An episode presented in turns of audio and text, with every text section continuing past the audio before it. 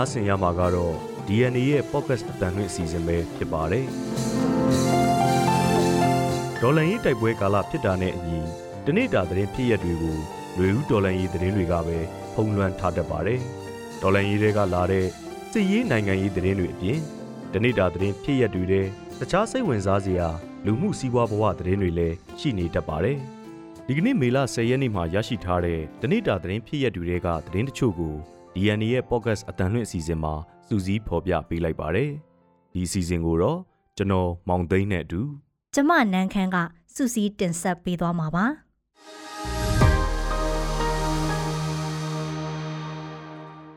ပထမဦးဆုံးအနေနဲ့ KNU ရဲ့ထုတ်ပြန်ချက်ဟာထိတ်တိုက်ရင်ဆိုင်မှုလမ်းကြောင်းစီဥတီနေတယ်လို့စက်ကောင်စီပြောတယ်ဆိုတဲ့အကြောင်းကိုပြောပြပါမယ်။ကရင်အမျိုးသားအစည်းအရုံး KNU အနေနဲ့စစ်တပ်အာဏာသိမ်းယူမှုမဟာလူမျိုးကြီးဝါဒနဲ့ စစ်အာဏာရှင်စနစ်ဆန့်ကျင်တိုက်ဖြတ်မဲ့အကြောင်းနဲ့တိုက်ပွဲဝင်နေတဲ့ဒေါ်လာရင်းအင်အားစုတွေလူလူလူဒန်းစားအသီးသီးနဲ့ပူးပေါင်းဆောင်ရွက်မယ်လို့ထုတ်ပြန်ထားတာဟာ NCA နဲ့ဆန့်ကျင်နေပြီးထိတ်တိုက်ရင်ဆိုင်မှုလမ်းကြောင်းစီကိုဦးတည်နေတယ်လို့စစ်ကောင်စီကပြစ်တင်ဝေဖန်လိုက်ပါတယ်။ KNU ရဲ့ကွန်ဂရက်ညီလာခံကျင်းပပြီးတဲ့နောက်အခုလ9ရက်က KNU ပဟိုးရဲ့ထုတ်ပြန်ချက်တရက်မှာဖော်ပြထားတာတွေနဲ့ပတ်သက်လို့စစ်ကောင်စီရဲ့ငြိမ်းချမ်းရေးဖော်ဆောင်မှုညှိနှိုင်းရေးကော်မတီကထုတ်ပြန်ချက်တရက်ထုတ်ပြန်ပြီးတုံ့ပြန်လာတာပါ။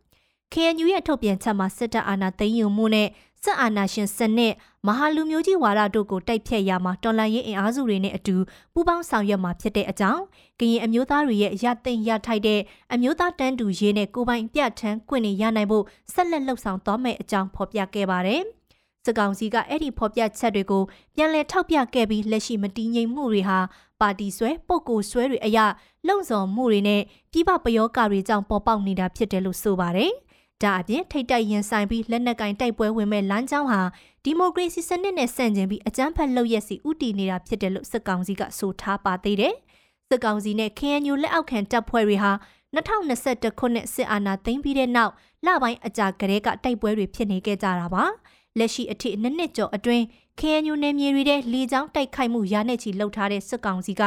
KNU အနေနဲ့ NCA လမ်းကြောင်းအတိုင်းဆွေးနွေးမှုဆက်လုပ်တင်တယ်လို့ဆိုပါတယ်။ ဒုတိယသတင်းတပုတ်အနေနဲ့မုံတိုင်းသတိပေးချက်ကြောင့်ကံယူရန်ဒေသတွေကဒေသခံတွေကြိုတင်တင်းရှောင်နေကြတဲ့သတင်းကိုပြောပြပေးပါမယ်။လာမယ့်ရက်ပိုင်းတွင်စိုက်ကလုန်းမုန်တိုင်းတစ်ခုမြန်မာနိုင်ငံကံယူရန်ဒေသတွေကိုဖျက်ဆီးနိုင်ခြေရှိတယ်ဆိုတဲ့သတိပေးချက်တွေကြောင့် AR တိုင်းနဲ့ရခိုင်ပြည်နယ်အပါအဝင်ကံယူရန်ဒေသနေဒေသခံတွေဟာကြိုတင်တင်းရှောင်မှုတွေပြုလုပ်နေကြပါတယ်။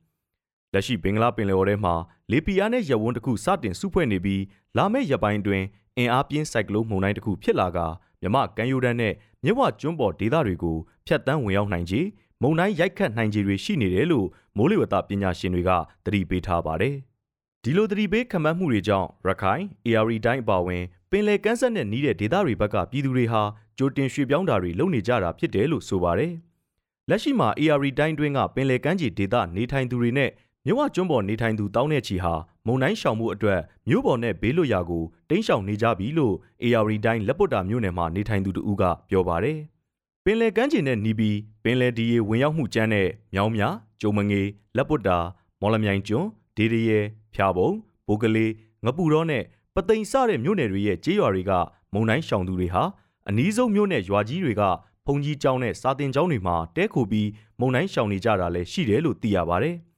ဒါအပြင်အပန်းဖြေကမ်းခြေတွေဖြစ်တဲ့ချောင်းသာငွေဆောင်ရွှေတောင်ရန်နဲ့ငရုတ်ကောင်းမော်တင်ကမ်းခြေမြို့နယ်ကမုံတိုင်းရှောင်သူတွေဟာရခိုင်ရိုးမတောင်ဆွေပေါ်ကဖုံးတော်ကြီးကျောင်းတွေစီတွားရောက်ကိုလုံနေထိုင်နေကြတယ်လို့သိရပါဗျ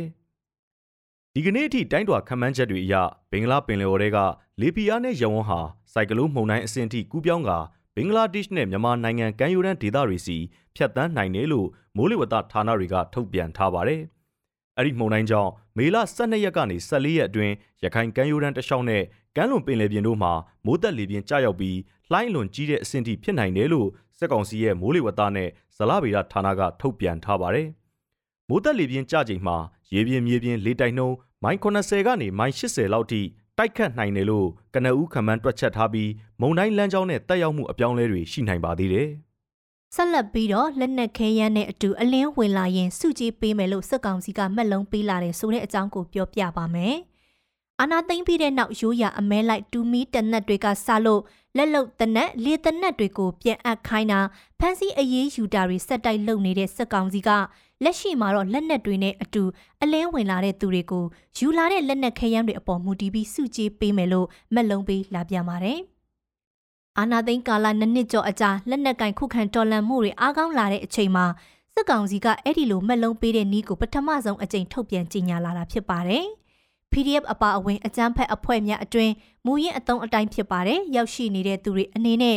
ဥပဒေပေါင်းတဲ့ပြန်ဝင်လာပါကလူတက်မှုမရိမ်မှုသူတစ်ပါးအပေါ်ထိခိုက်နစ်နာစေမှုကျွလွန်ထားသူတွေအနေနဲ့ဥပဒေအရအမှုရင်ဆိုင်ဖြည့်ရှင်းရမှာဖြစ်ပြီးဥပဒေလမ်းကြောင်းအရလိုအပ်တဲ့ဖြည့်ရော့မှုတွေပေးမယ်လို့စစ်ကောင်စီကဆိုပါတယ်။ ဒါအပြင်အဲ့ဒီလိုဝင်ရောက်လာတဲ့သူတွေကိုလိုအပ်တဲ့အကူအညီတွေပေးမယ်အပြင်လက်နက်ခဲယမ်းတွေနဲ့အတူရောက်လာတဲ့သူတွေကိုလက်နက်ခဲယမ်းအမျိုးအစားအလိုက်စုကြီးတွေလည်းပေးမယ်လို့စစ်ကောင်စီရဲ့ထုတ်ပြန်ချက်မှာဖော်ပြထားပါတယ်။အဲ့ဒီထုတ်ပြန်ချက်အရ rifle အုပ်စုတနက်တလက်အတွက်ကျပ်သိန်း90 pistol အုပ်စုဝင်တနက်တလက်အတွက်ကျပ်သိန်း20ပြောင်ချောတနက်တလက်ကျပ်သိန်း30စိန်ပြောင် RPG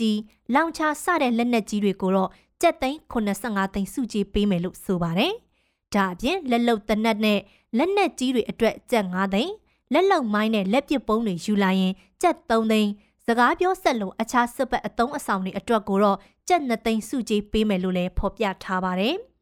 စစ်အာဏာသိမ်းပြီးတဲ့နောက်လက်နက်ခဲယမ်းတွေနဲ့အတူပြည်သူရင်ခွင်ခုံလုံလာတဲ့စစ်ကောင်စီလက်အောက်ခံတပ်ဖွဲ့ဝင်တွေကိုဒေါ်လာရင်းအင်အားစုတွေကစုကြည်ပေးတဲ့နီးနဲ့ကျင့်သုံးခဲ့တာကြားပြီးဖြစ်ပေမဲ့ စစ်ကောင်စီကတော့ပထမဆုံးအကြိမ်အဖြစ်အခုလိုထုတ်ပြန်လာတာပါစစ်ကောင်စီဟာမေလ9ရက်ရက်စွဲနဲ့လက်နက်နဲ့ပတ်သက်တဲ့ထုတ်ပြန်ချက်နှစ်ခုတရက်ထဲမှာထုတ်ပြန်ခဲ့တာဖြစ်ပြီးတရားမဝင်ကင်ဆောင်ထားတဲ့လက်နက်ခဲယမ်းတွေကိုရှောက်ထားဖို့လိုတဲ့လက်နက်ခဲယမ်းနဲ့တကွအနံကလိုင်စင်တွေရှောက်ထားကြဖို့ကိုလည်းထုတ်ပြန်ထားပါသေးတယ်။ဒါပေမဲ့စစ်ကောင်စီရဲ့လက်နက်ခဲယမ်းကင်ဆောင်ခွင့်မူပါပြဋ္ဌာန်းချက်တွေအရအဲ့ဒီလိုတွားရောက်အနံရှောက်ထားသူတိုင်းအနေနဲ့ တရားဝင်လိုင်စင်နဲ့လက်နက်ကင်ဆောင်ခွင့်ရမယ်ဆိုတဲ့အာမခံချက်မရှိပါဘူး။လာရောက်အနံပြီးလိုင်စင်လျှောက်ထားသူတွေအပေါ်စကောင်စီကစစ်စစ်ကတတ်မှတ်ချက်နဲ့ကိုက်ညီမှသာတရားဝင်လက်နက်ကင်ဆောင်ခွင့်ပေးမှဖြစ်ပြီးတော့တတ်မှတ်ချက်နဲ့မညီကြောင်ဆုံးဖြတ်ချက်ခံရသူတွေကတော့အနံလိုက်တဲ့လက်နက်ဆုံးရှုံးရဖွယ်ရှိပါတယ်။တတ်မှတ်ကာလအတွင်းလက်နက်တွေအနံပြီးလိုင်စင်မလျှောက်ထားတဲ့သူတွေကိုတော့ဖော်ထုတ်ဖမ်းဆီးအရေးယူမယ်လို့စစ်ကောင်စီကဆိုထားပါတယ်။ မြန်မာနိုင်ငံမှာရက်ဆက်ကြမ်းကြုတ်တဲ့ဖြစ်စဉ်တွေရပ်တန့်မှုအာဆီယံခေါင်းဆောင်တွေတောင်းဆိုလိုက်တဲ့တဲ့ရင်ကိုပြောပြပေးပါမယ်။မြန်မာနိုင်ငံမှာရစ်ဆက်ကြမ်းကြုတ်တဲ့ဖြစ်စဉ်တွေအများဆုံးရပ်တန့်ရေးနဲ့လူသားချင်းစာနာမှုဆိုင်ရာအထောက်ပံ့တွေထိထိရောက်ရောက်ပေးပို့နိုင်ရေးဝိုင်းဝန်းကူညီကြဖို့အာဆီယံအဖွဲ့ဝင်နိုင်ငံခေါင်းဆောင်တွေကတောင်းဆိုလိုက်ပြန်ပါတယ်။အင်ဒိုနီးရှားနိုင်ငံမှာကျင်းပနေတဲ့အာဆီယံထိပ်သီးအစည်းအဝေးရောက်အာဆီယံအဖွဲ့ဝင်နိုင်ငံခေါင်းဆောင်တွေကဒီကနေ့ရက်စွဲနဲ့ကြေညာချက်တစ်စောင်ကိုထုတ်ပြန်တောင်းဆိုလိုက်တာဖြစ်ပါတယ်။ အဲ့ဒီထုတ်ပြန်ချက်မှာမြန်မာနိုင်ငံတွင်းကရက်ဆက်ကြမ်းကြုတ်မှုတွေအများဆုံးရပ်တန့်ဖို့တောင်းဆိုထားသလိုဗတ်ပေါင်းစုံပါဝင်နိုင်မဲ့ဆွေးနွေးပွဲတွေဖြစ်ပေါ်လာရေးလူသားချင်းစာနာမှုအထောက်ပံ့တွေဘေးကင်းကင်းပို့ဆောင်နိုင်ရေးအတွက်တင့်တော်မဲ့ပတ်ဝန်းကျင်မျိုးတိဆောက်နိုင်အောင်စုပေါင်းအားထုတ်ကြဖို့လဲတိုက်တွန်းထားပါတယ်။ဒါအပြင်မြန်မာနိုင်ငံမှာရက်ဆက်ကြမ်းကြုတ်မှုဖြစ်စဉ်တွေအတော်မတတ်နိုင်သေးပဲဆက်လက်ဖြစ်ပွားနေတာကိုရှုံချကြောင်းလဲအာဆီယံခေါင်းဆောင်တွေကကြေညာပါတယ်။မကြသေးခင်ကတန်တမန်တွေလိုက်ပါသွားတဲ့ ထောက်ပံ့ရေးရင်တန်းတစ်ခုပြစ်ခတ်ခံရမှုဖြစ်စဉ်နဲ့ပတ်သက်ပြီးလဲအာဆီယံခေါင်းဆောင်တွေကတသဘောရဲရပ်တန့်ပြီးရှုံချခဲ့ကြပါတယ်။မေလ9ရက်နဲ့10ရက်နေ့တွေအတွင်းအာဆီယံအလှည့်ကျဥက္ကဋ္ဌအင်ဒိုနီးရှားကအင်ရှင်ဖြစ်လက်ခံကျင်းပတဲ့နီလာခံမှာထုံးစံတိုင်းအာနာသိန်းစစ်ကောင်စီကိုယ်စားလှယ်ကိုတက်ရောက်ခွင့်မပြုခဲ့ပြန်ပါဘူး။မြမငင်းချမ်းရေးဖော်ဆောင်မှုရည်ရွယ်ထားတဲ့အာဆီယံဘုံသဘောတူညီချက်9ရက်ကိုစစ်ကောင်စီကအကောင့်ထဲပေါ်ဖို့ပြက်ကွက်ခဲ့တဲ့နောက်အာဆီယံအစည်းအဝေးတွေကနေခြံလှက်ခံထားရတာဖြစ်ပါတယ်။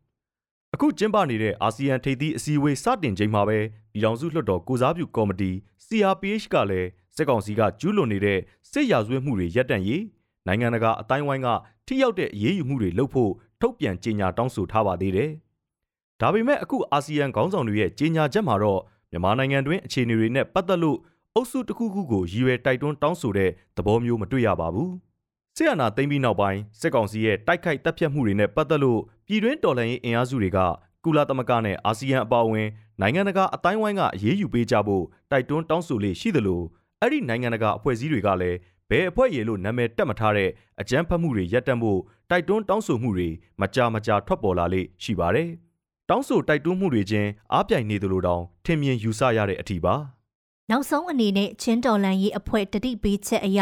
ကလေးမျိုးနယ်ကတီတာခန့်တွေနေရက်စွန့်ခွာကြတယ်ဆိုတဲ့အကြောင်းကိုပြောပြပါမယ်။စစ်ကောင်စီတပ်ဖွဲ့တွေအနီးမှာမနေကြဖို့ချင်းလက်နက်ကင်တပ်ဖွဲ့တွေဖြစ်တဲ့ CDF CDM စီရင်အဖွဲ့ကတတိပေးပြီးနောက်စကိုင်းတိုင်းကလေးမျိုးနယ်ကတီတာခန့်တွေဟာဒီကနေ့မေလ10ရက်မနက်မှာကလေးမြို့တွင်းကတန်ဟန်းရက်ကွက်နဲ့နီးစပ်ရာအခြားနေရာတွေကိုရွှေ့ပြောင်းနေထိုင်ကြရတယ်လို့တီတာခန့်တွေစီကသိရပါဗျ။ စစ်ကောင်စီအဖွဲ့ဝင်တွေတက်ဆွဲထားတဲ့ကလေးတက္ကသိုလ်နဲ့ခိုင်ကန်းရဲစခန်းတမိုင်ပတ်လည်ပတ်ဝန်းကျင်ကအရက်သားတွေကိုဒီကနေ့မေလ10ရက်မနက်10:00နာရီနောက်ဆုံးထားပြီးနေရာကနေရှောင်းတိန်ထွက်ခွာကြဖို့ CDF CDM စီရင်ကမေလ9ရက်မှာထုတ်ပြန်ခဲ့ပြီးတဲ့နောက်အရက်သားတွေခုလိုပြောင်းရွှေ့နေထိုင်ကြရတာဖြစ်တယ်လို့သိရပါဗျ။ Chinland Defense Force CDF CDM စီရင်ဟာချင်းပြည်နယ်တီးတိမ်မြို့နယ်အတွင်းကအခြေစိုက်က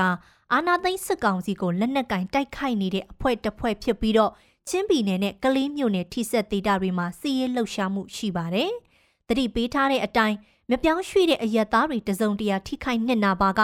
တာဝန်ယူမှာမဟုတ်ဘူးလို့ CDF CDM စီရင်ရဲ့အရေးပေါ်တတိပေးထုတ်ပြန်ချက်မှာဖော်ပြထားပါတယ်။ဒါပေမဲ့တစ်ဖက်မှာလည်း CDF CDM စီရင်ရဲ့ထုတ်ပြန်ချက်ကိုလိုက်နာပြီးရွှေ့ပြောင်းတဲ့အိမ်တွေကိုမိရှို့မယ်လို့စစ်ကောင်စီကချင်းချောက်နေတယ်လို့တိဒခံတွေကပြောကြပါတယ်။ လက်ရှိအချိန်အထိတော့အယက်သားတထောင်ဝန်းကျင်ဟာသူတို့နေရာတွေကနေပြောင်းရွှေ့သွားကြတယ်လို့လည်းတိဒခံတွေစီကသိရပါတယ်။ပြီးခဲ့တဲ့လပိုင်းအတွင်းကပဲ CDF CDM စီရင်တော်လန်ရေးရဲဘော်တွေကကလေးတက္ကသိုလ်မှာတက်ဆွဲထားတဲ့စစ်ကောင်စီအဖွဲ့ဝင်တွေကိုလက်တပြက်ဝင်ရောက်တိုက်ခိုက်ပြီးလက်နက်ယူဆောင်သွားတဲ့ဖြစ်စဉ်ဖြစ်ခဲ့ပါသေးတယ်။အခုရက်ပိုင်းအတွင်းကလေးမျိုးဝင်းကျင်မှာစစ်ကောင်စီနဲ့တော်လန်ရေးအဖွဲ့ဝင်တွေကြားစစ်ရေးတမ်းမာနေတယ်လို့တိဒခံတွေကပြောကြပါတ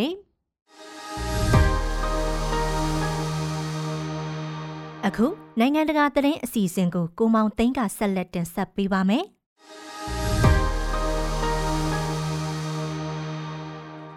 စစ်ပွဲမှာထိခိုက်ကြဆုံးမှုများပြားနေတာတွေလုံခြုံရေးစိုးရင်ရတဲ့အခြေအနေတွေကြောင့်ပုံမှန်ထက်တိတိတသာအကျဉ်းချုံထားတဲ့အမျိုးသားအောင်ပွဲနေ့အခမ်းအနားမျိုးကိုရုရှားနိုင်ငံမော်စကိုမြို့မှာကျင်းပခဲ့ပါတယ်။ဒုတိယကမ္ဘာစစ်မှာနာဇီဂျာမနီကိုအနိုင်ရခဲ့တဲ့အထိမ်းအမှတ်အမျိုးသားအောင်ပွဲနေ့အဖြစ်မေလ9ရက်ကို ရုရှားနိုင်ငံမှာသတ်မှတ်ထားပြီးနှစ်စဉ်တခမ်းတနာကျင်းပလေရှိပါတယ်။ပြီးတော့မော်စကိုမှာလည်းရုရှားရဲ့စီးရေးပြချီတက်ပွဲတွေကိုလည်းပြုလုပ်လေရှိပါတယ်။ဒီနှစ်မှာတော့ယူကရိန်းရဲ့ drone နဲ့တိုက်ခိုက်မှုအန္တရာယ်ကိုစိုးရိမ်လို့ရုရှားကမြို့အများပြားမှာအမျိုးသားအောင်ပွဲနေ့အခမ်းအနားကိုမကျင်းပဖို့ဆုံးဖြတ်ခဲ့ပါတယ်။မော်စကိုမှာလည်းလုံခြုံရေးအစီအမံတွေပုံမတင်းကျပ်ထားခဲ့ပြီးစစ်ရေးပြချီတက်ပွဲရဲ့ကျေပြတ်မှုအတိုင်းအတာကိုလည်းတိတိတသာရှော့ချထားတာတွေ့ရပါတယ်။ရုရှားရဲ့တင့်ကားတွေ တန်ကြပ်ကာရင်တွေဒုံးကျည်တင်ရင်တွေကမော်စကိုမြို့လယ်မှာရှိတဲ့ရင်ပြင်နီနားမှာစီတန်းလှည့်လည်အင်အားပြနေတဲ့အချိန်ထောင်ထဲချီတဲ့ပြည်သူတွေကလမ်းဘေးကနေစောင့်ကြည့်နေခဲ့ကြပါတယ်။အမျိုးသားအောင်ပွဲနေ့အခမ်းအနားကိုရုရှားသမ္မတဗလာဒီမာပူတင်ကိုယ်တိုင်ကြီးမှုခဲ့တယ်လို့မိန့်ခွန်းပြောတဲ့အခါမှာလဲရုရှားယူကရိန်းစစ်ပွဲဟာအနောက်မဟာမိတ်နိုင်ငံတွေရဲ့ရန်စလှုံ့ဆော်မှုကြောင့်ဖြစ်လာရတာပါလို့နောက်တစ်ကြိမ်ဆွဆွဲပြောဆိုသွားပြန်ပါတယ်။အခုနှစ်စီရေးပြပွဲမှာစစ်လက်နက်အမျိုးမျိုးယူနစ်125ခုနဲ့ စစ်တီ1000ကျော်လောက်ပါဝင်ချီတက်မယ်လို့ကာကွယ်ရေးဝန်ကြီးဌာနကကြိုတင်ထုတ်ပြန်ထားပါတယ်။မနစ်တုန်းကတော့စစ်တီ12000ဝန်းကျင်စစ်လက်နက်အမျိုးမျိုး130ကျော်နဲ့လေရင်ရဟတ်ရင်အစည်းရေ80နီးပါးပါဝင်အင်အားပြခဲ့ပါတယ်။နိုင်ငံတကာစစ်ရေးသုတေသီတွေကရုရှားဟာအခုနှစ်စစ်ရေးပြပွဲမှာ S400 လေကြောင်းကာကွယ်ဒုံးကျည်တွေနဲ့ Yaris တိုက်ချင်းပစ်ဒုံးကျည်စနစ်တွေကိုအဓိကပွဲထုတ်ခင်းကျင်းပြသသွားတယ်လို့သုံးသပ်ကြပါတယ်။ အစောပိုင်းနှစ်တွေတုန်းကရုရှားရဲ့အမျိုးသားအောင်ပွဲနေ့စီရေးပြချီတက်ပွဲတွေကိုကုလသမဂ္ဂကြီးကဲဟောင်းကိုဖီအာနန်ဂျာမန်အဓိပတိဟောင်းအန်ဂျလာမာကယ်တို့လိုနိုင်ငံတကာခေါင်းဆောင်တွေတက်ရောက်ခဲ့မှုပေမဲ့2014ခုနှစ်မှာရုရှားကယူကရိန်းပိုင်ခရိုင်းမီးယားကျွန်းဆွယ်ကိုတိုက်ခိုက်သိမ်းယူလိုက်တဲ့နောက်ပိုင်းအဲ့ဒီအခမ်းအနားတွေမှာနိုင်ငံတကာခေါင်းဆောင်တွေတက်ရောက်ချီးမြှင့်မှုတွေရော့ပါပျောက်ကွယ်လာခဲ့ပါတယ်။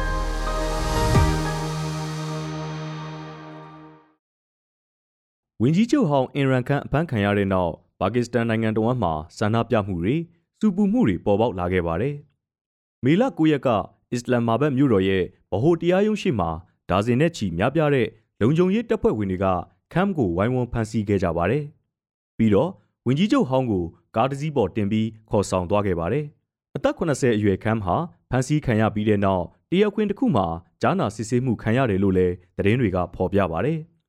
သူဟာအဂတိလိုက်စားမှုဆွဆွဲချက်တွေနဲ့တရားစွဲဆိုခံထားရပြီးခမ်ကတော့အဲ့ဒီကိစ္စတွေဟာလက်ရှိအစိုးရရဲ့နိုင်ငံရေးအရာထိုးနှက်မှုတွေသာဖြစ်တယ်လို့တုံ့ပြန်ထားပါတယ်။ခမ်ဟာပါကစ္စတန်နိုင်ငံရေးနယ်ပယ်မှာဩဇာအကြီးဆုံးပုဂ္ဂိုလ်တဦးဖြစ်တယ်လို့လက်ရှိမှာလည်းအဓိကအတိုက်ခံခေါင်းဆောင်အနေနဲ့ရပ်တည်နေပါတယ်။သူဖမ်းခံရတဲ့နောက်ပါကစ္စတန်နိုင်ငံအနှံ့ကမြို့ရွာတွေမှာဆန္ဒပြအုံကြွမှုတွေဖြစ်ပေါ်လာပါတယ်။လုံခြုံရေးတပ်ဖွဲ့ဝင်တွေနဲ့ပရိပခတွေကြောင့် ကွက်တာမြို့မှာအ ਨੇ ဆုံးဆန္ဒပြသူတဦးသေဆုံးခဲ့တယ်လို့လည်းသတင်းတွေထွက်ပေါ်နေပါတယ်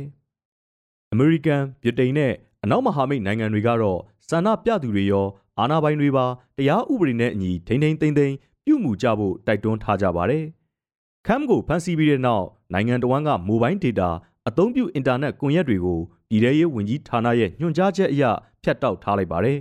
။ဆန္ဒပြမှုအများစုဟာ ပါကစ္စတန်စစ်တပ်ရဲ့စစ်စခန်းတွေရှေ့မှာဖြစ်ပေါ်ခဲ့တာပါ။ပါကစ္စတန်စစ်တပ်ဟာနိုင်ငံရေးနယ်ပယ်မှာကြီးကြီးမားမားဩဇာလွှမ်းမိုးဆဲဖြစ်တယ်လို့ရန်ဖာရန်ခါအာဏာထသိမ်းတတ်ပါသေးတယ်။စစ်တပ်ဟာပါကစ္စတန်နိုင်ငံရေးမှာနောက်ွယ်ကကြိုးကင်နေတဲ့လက်မဲကြီးအနေနဲ့ပါရှုမြင်ခံထားရပါတယ်။2018တုန်းကရွေးကောက်ပွဲမှာခမ်အနိုင်ရခဲ့တာဟာစစ်တပ်ရဲ့ထောက်ပံ့မှုကြောင့်လို့လေးလာသူအများစုကယူဆထားပါတယ်။ဒါပေမဲ့နောက်ပိုင်းမှာခမ်နဲ့စစ်တပ်ကြား ဆက်ဆံရေးလုံးဝပျက်စီးသွားခဲ့ပြီး2022ခုနှစ်မှာတော့ခမ်ဟာပါကစ္စတန်နိုင်ငံတမိုင်းမှာအယုံကြည်မရှိအဆိုအရယာဒူးကနေဖယ်ရှားခံရတဲ့ပထမဆုံးဝင်ကြီးချုပ်အဖြစ်မှတ်တမ်းစိုးဝင်သွားခဲ့ပါတယ်။အဲ့ဒီအချိန်ကစလို့သူဟာစစ်တပ်နဲ့လက်ရှိအစိုးရကိုပြင်းပြင်းထန်ထန်ဝေဖန်နေတဲ့အဓိကအတိုက်ခံအဖြစ်ရပ်တည်လာခဲ့တယ်လို့သူ့ကြောင့်စစ်တပ်ပေါ်လူကြိုက်များမှုပါထိခိုက်လာကြောင်းပါကစ္စတန်နိုင်ငံရေးသုတေသီတွေကသုံးသပ်ထားကြပါတယ်။ သုံးနှစ်ကျော်ကာလအထိတကဘာလုံးကြုံတွေ့ခဲ့ရပြီးရေလျားတဲ့အိမ်မက်ဆိုးကြီးကနေနိုးထနိုင်ဖို့ပထမဆုံးခြေလှမ်းတစ်ကိုကမ္ဘာ့ကျန်းမာရေးအဖွဲ့ကြီး WHO ကမျှော်လင့်တကြီးနဲ့စတင်လိုက်ပါတယ်။ကိုဗစ်ကပ်ရောဂါဆိုးကြီးကိုနိုင်ငံတကာကျန်းမာရေးဆိုင်ရာအရေးပေါ်အခြေအနေကြီးညာထားမှုကိုပြန်ရုပ်သိမ်းလိုက်ပြီလို့မေလ9ရက်မှာ WHO ကထုတ်ပြန်ခဲ့ပါတယ်။တရုတ်နိုင်ငံအလဲပိုင်းဝူဟန်မြို့ကအစပြုကူးစက်လာတဲ့ကိုရိုနာဗိုင်းရပ်စ်တစ်ခုကြောင့်ဖြစ်ပွားတဲ့ကိုဗစ်ရောဂါဟာ လူသန်းပေါင်းများစွာကိုသေဆုံးစေခဲ့တယ်လို့ကမ္ဘာအနှံ့မှာကျန်းမာရေးလူမှုရေးစီးပွားရေးကဏ္ဍပေါင်းစုံကိုအကြီးအကျယ်ရှုပ်ထွေးသွားစေခဲ့ပါတယ်။2020ပြည့်နှစ်ဇန်နဝါရီလမှာတော့ WHO ဟာကပ်ရောဂါအမြင့်ဆုံးသတိပေးကြေညာချက်ဖြစ်တဲ့နိုင်ငံတကာကျန်းမာရေးဆိုင်ရာအရေးပေါ်အခြေအနေကိုတရားဝင်ထုတ်ပြန်ခဲ့ပါတယ်။ကိုဗစ်ရောဂါအဆိုးဆုံးကာလတွေကိုတမင်လေပြန်လှည့်ကြည့်ရင်ဘလောက်ဆိုးရွားခဲ့တယ်လဲဆိုတာကိုကမ္ဘာလူသားတိုင်းအမှတ်ရနေမှာဖြစ်ပါတယ်။ လူတွေတန်းနဲ့ချီသေဆုံးခဲ့တယ်လို့နောက်ထပ်တန်းနဲ့ချီတဲ့လူပုဂ္ဂိုလ်နဲ့မိသားစုတွေဟာသူတို့ချစ်ခင်သူတွေကိုလက်လွတ်ဆုံးရှုံးခဲ့ရပါတယ်။အလုပ်တွေပိတ်ခဲ့ရတာကြောင့်မိသားစုတွေအများကြီးစီးပွားရေးအကျက်တဲကတ်ဆိုင်ခဲ့ပါတယ်။နိုင်ငံအဆင့်ထိစီးပွားရေးကျဆင်းမှုတွေကြုံခဲ့ရပါတယ်။ဒါပေမဲ့ထိရောက်တဲ့ကာကွယ်ဆေးတွေခက်မြန်မြန်တီထွင်အောင်မြင်ခဲ့ခြင်းကကက်ယောဂဖိစီးမှုတွေကိုတဆစ်ချိုးစတင်ပြောင်းလဲလာစေခဲ့ပါတယ်။ကမ္ဘာလုံးအနှံ့ကာကွယ်ဆေး လွှမ်းခြုံထိုးနှံနိုင်စွမ်းမြင့်လာလေလေကိုဗစ်ကြောင့်အသေးအပြောက်နှုံနည်းလေလေဖြစ်လာပါတယ်။ကိုဗစ်ရောဂါဖြစ်ပွားစေတဲ့ကိုရိုနာဗိုင်းရပ်စ်ရဲ့မြ мян ဆန်းဆန်းမျိုးဗီဇဆင့်ကဲပြောင်းလဲနိုင်စွမ်းတွေကြောင့်ကာကွယ်ဆေးတွေရဲ့ရောဂါဟန်တားနိုင်စွမ်းကအထိုက်အလျောက်ကျဆင်းလာတဲ့ဆိုရင်တောင်မှသေပြောက်နှုံးကိုအမှန်တကယ်ထိထိရောက်ရောက်ရှော့ချလာနိုင်ခဲ့ပါတယ်။အခုအခါမှာတော့ကိုဗစ်ကိုနိုင်ငံတကာကျန်းမာရေးအရေးပေါ်အခြေအနေအထိအမြင့်ဆုံးတက်လှန့်ထားတဲ့ကြေညာချက်ကိုသူဟာအကောင်းမြင်မျှော်လင့်ချက်အပြည့်နဲ့ ကြေညာခွင့်ရခဲ့ပြီလို့ WHO ရဲ့အကြီးအကဲဒေါက်တာတက်ရုစ်အတ်ဟာနွန်ဂျီဘရီစ်ကပြောကြားခဲ့ပါတယ်။တရားဝင်ကောက်ယူစုဆောင်းထားတဲ့ကိန်းဂဏန်းတွေအရကိုဗစ်ရောဂါဟာ၃နှစ်တာအတွင်းလူပေါင်း9တန်းကျော်ကိုသေကျေပျက်စီးစေခဲ့တယ်လို့အတည်ပြုနိုင်ကြောင်းသူကဆိုတယ်။ဒါပေမဲ့သေမှုသေခင်းယောဂအတည်ပြုနိုင်စွမ်းအားနည်းချက်တွေစည်ရင်းကောက်ယူစုဆောင်းနိုင်မှုလစ်ဟာတာတွေကြောင့်ကက်ယောဂကာလထဲမှာအမှန်တကယ်သေဆုံးခဲ့တဲ့အရေးအတွက်ကိုတိတိကျကျခံမှန်းနိုင်ဖို့တော့ တိတ်ကိုခက်ခဲလိမ့်မယ်လို့ဒေါက်တာတက်ရိုစ်ကဝန်ခံပါတယ်။အလို့သဘောခံမှန်းကြည့်မယ်ဆိုရင်တကယ်အသေးပြောက်ပမာဏဟာတရားဝင်ထုတ်ပြန်ချက်တွေထက်3ဆလောက်ပိုများပြီးတန်း20ဝန်းကျင်လောက်တောင်ရှိနိုင်တယ်လို့သူကဆက်ပြောပါသေးတယ်။ပြီးတော့တရားဝင်ကိန်းကနန်းတွေအရကမ္ဘာလူဦးရေရဲ့10ပုံတပုံနီးပါးတနည်းအားဖြင့်တန်း800နီးပါးလောက်ကိုဗစ်ကူးစက်ခံရဘူးကြောင်းစစ်ဆေးတွေ့ရှိခဲ့ရပါတယ်။ပြီးတော့အခုအချိန်မှာကိုဗစ်နဲ့ပတ်သက်လို့ WHO ရဲ့အမြင့်ဆုံးအဆင့်တက်လန့်ကြီးညာမှုကိုဖယ်ရှားလိုက်ပြီဖြစ်ပေမဲ့ဒီယောဂါဟာလုံးဝအုတ်တုံအန္တရာယ်မရှိတော့ဘူးဆိုတာမျိုးအတွေးမမားကြဖို့တော့သူကလေးလေးနက်နက်ထပ်သတိပေးပါတယ်။တကယ်လို့အနာဂတ်မှာကက်ယောဂါကူးစက်နှုန်းဇိုးဆိုးရွားရွားတကြော့ပြန်မြင့်တက်လာပြီးလူလူတွေအယမ်းသေးတာမျိုးကြုံကောင်းကြုံလာခဲ့မယ်ဆိုရင်တင်းကျပ်တဲ့ကန့်သက်ထိန်းချုပ်မှုတွေပြန်ကျင့်သုံးဖို့မဖြစ်မနေရွေးချယ်ရလိမ့်မယ်လို့ဒေါက်တာတက်ရိုစ်ကရှင်းပြထားပါတယ်။ တရားဝင်ကောက်ယူထားတဲ့စီးရင်အင်းတွေအရ2021ခုနှစ်ဇန်နဝါရီလဟာကိုဗစ်ရောဂါကူးစက်ခဲ့တဲ့တပ်တန်းတစ်လျှောက်တကဘာလုံးမှာတေနှုံးအမြင့်ဆုံးဖြစ်ခဲ့တာတွေ့ရပါတယ်။အဲ့ဒီတုန်းကအပတ်စဉ်လူပေါင်း3သိန်းကျော်ယောဂါဆိုးကြောင့်ဖိတ်ဆင်ခဲ့ရပါတယ်။2023ခုနှစ်ဧပြီလကုန်ပိုင်းမှာတော့ယောဂါကြောင့်အပတ်စဉ်သေဆုံးမှုဟာ3500ကျော်လောက်ထိကျဆင်းသွားပါတယ်။အဲ့ဒီအရေအတွက်ကတော့နည်းတယ်လို့မဆိုနိုင်သေးဘူးလို့ဒေါက်တာတက်ရိုစ်ကထောက်ပြပါတယ်။ WHO ရဲ့ကပ်ရောဂါဆိုင်ရာကျွမ်းကျင်ပညာရှင်တွေဟာအရေးပေါ်ကော်မတီအစည်းအဝေးတစ်ရက်ကိုမေလ၄ရက်နေ့မှာခေါ်ယူပြီးကိုဗစ်ကိုနိုင်ငံတကာကျန်းမာရေးအရေးပေါ်အခြေအနေမှာဆက်လက်သတ်မှတ်ထားဖို့တင့်မတင့်အကြေအလဲဆွေးနွေးခဲ့ကြောင်းကပ်ရောဂါကာလတစ်လျှောက်အဲ့ဒီလိုဆွေးနွေးမှုတွေအကြိမ်ကြိမ်လှုပ်ဆောင်ခဲ့ပူးပြီး15ချိန်မြောက်မှာတော့ကိုဗစ်ရဲ့ချင်းချောက်မှုအဆင့်သတ်မှတ်ချက်ကိုရှော့ချသင့်ပြီလို့ပညာရှင်တွေကထောက်ခံခဲ့တယ်လို့သူကလည်းအဲ့ဒီဆုံးဖြတ်ချက်ကိုဝမ်းမြောက်ဝမ်းသာသဘောတူခဲ့ကြောင်းဒေါက်တာတက်ရိုစ်ကပြောပါတယ်။ WHO ကကိုဗစ်ရဲ့ချင်းချောက်နိုင်ခြေအဆင့်သတ်မှတ်ချက်ကိုရှော့ချလိုက်ပေမဲ့လူသားတို့တရက်လုံးမပေါ်စားလိုက်ကြဘူးတော့သူကလေးလေးနက်နက်တိုက်တွန်းထားပါတယ်။အထူးသဖြင့်နိုင်ငံတကာအစိုးရတွေကပြည်တွင်းကူးစက်မှုတွေကိုမျက်ခြေမပြတ်စောင့်ကြည့်နေသင့်ကြောင်းပြည်သူလူထုကိုကိုဗစ်ဆိုတာဂယုစိုက်ရမယ့်ယောဂါမျိုးမဟုတ်တော့ဘူးဆိုတဲ့သတင်းအချက်လက်အမှားမျိုးမပေးမိအောင်လဲသတိထားဖို့အရေးကြီးကြောင်းသူကဆိုပါတယ်။ဒေါက်တာတက်ရိုစ်ကဒီနေ့လိုအခြေအနေမျိုးထိပြန်လဲနလန်ထူလာနိုင်ရေးမှာ ကာကွယ်ဆေးတွေရဲ့အခန်းကဏ္ဍအရေးပါမှုကိုလည်းနှစ်နှစ်ကာကာချီးကျူးအတိမတ်ပြုခဲ့ပါတယ်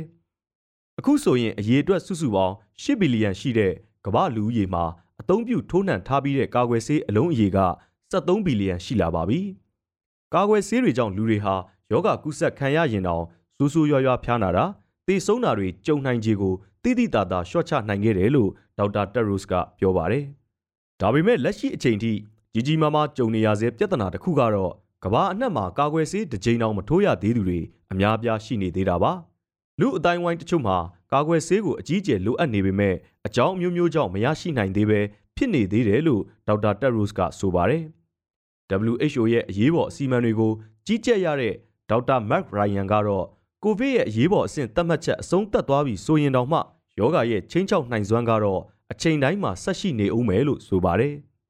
အနာဂတ်လူသမိုင်းကြောင်းကိုမှတ်တမ်းတင်တဲ့အခါ ကိုဗစ်ရောဂါပြန့်နှံ့ကူးစက်မှုတွေကဆက်လက်ပေါဝင်နေဦးမယ်လို့ခန့်မှန်းထားကြောင်းသူကပြောပါတယ်။ဥပမာ1918ခုနှစ်ကစပိန်တုပ်ကွေးကက်ရောဂါကူးစက်မှုတွေဟာကမ္ဘာကက်ရောဂါဆိုတဲ့အဆင့်ကနေကျဆင်းသွားဖို့ဆယ်စုနှစ်တွေနဲ့ချီအချိန်ယူခဲ့ရတာကိုသူကထောက်ပြပါတယ်။တကယ်တမ်းကျတော့ကက်ယောဂါတစ်ခုဟာနောက်ထပ်ကက်ယောဂါတစ်ခုအစပြုလာမှသာအမှန်တကယ်အဆုံးသတ်တယ်လို့ယူဆနိုင်ကြောင်းဒေါက်တာရိုင်ယန်ကပြောကြားသွားပါတယ်။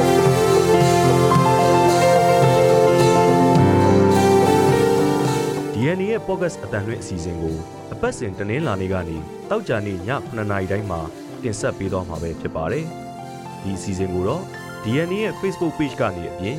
Anchor, Spotify နဲ့ Google Podcast တို့တွေကနေတဆင့်လဲနားဆင်နိုင်ပါတယ်ခင်ဗျာ။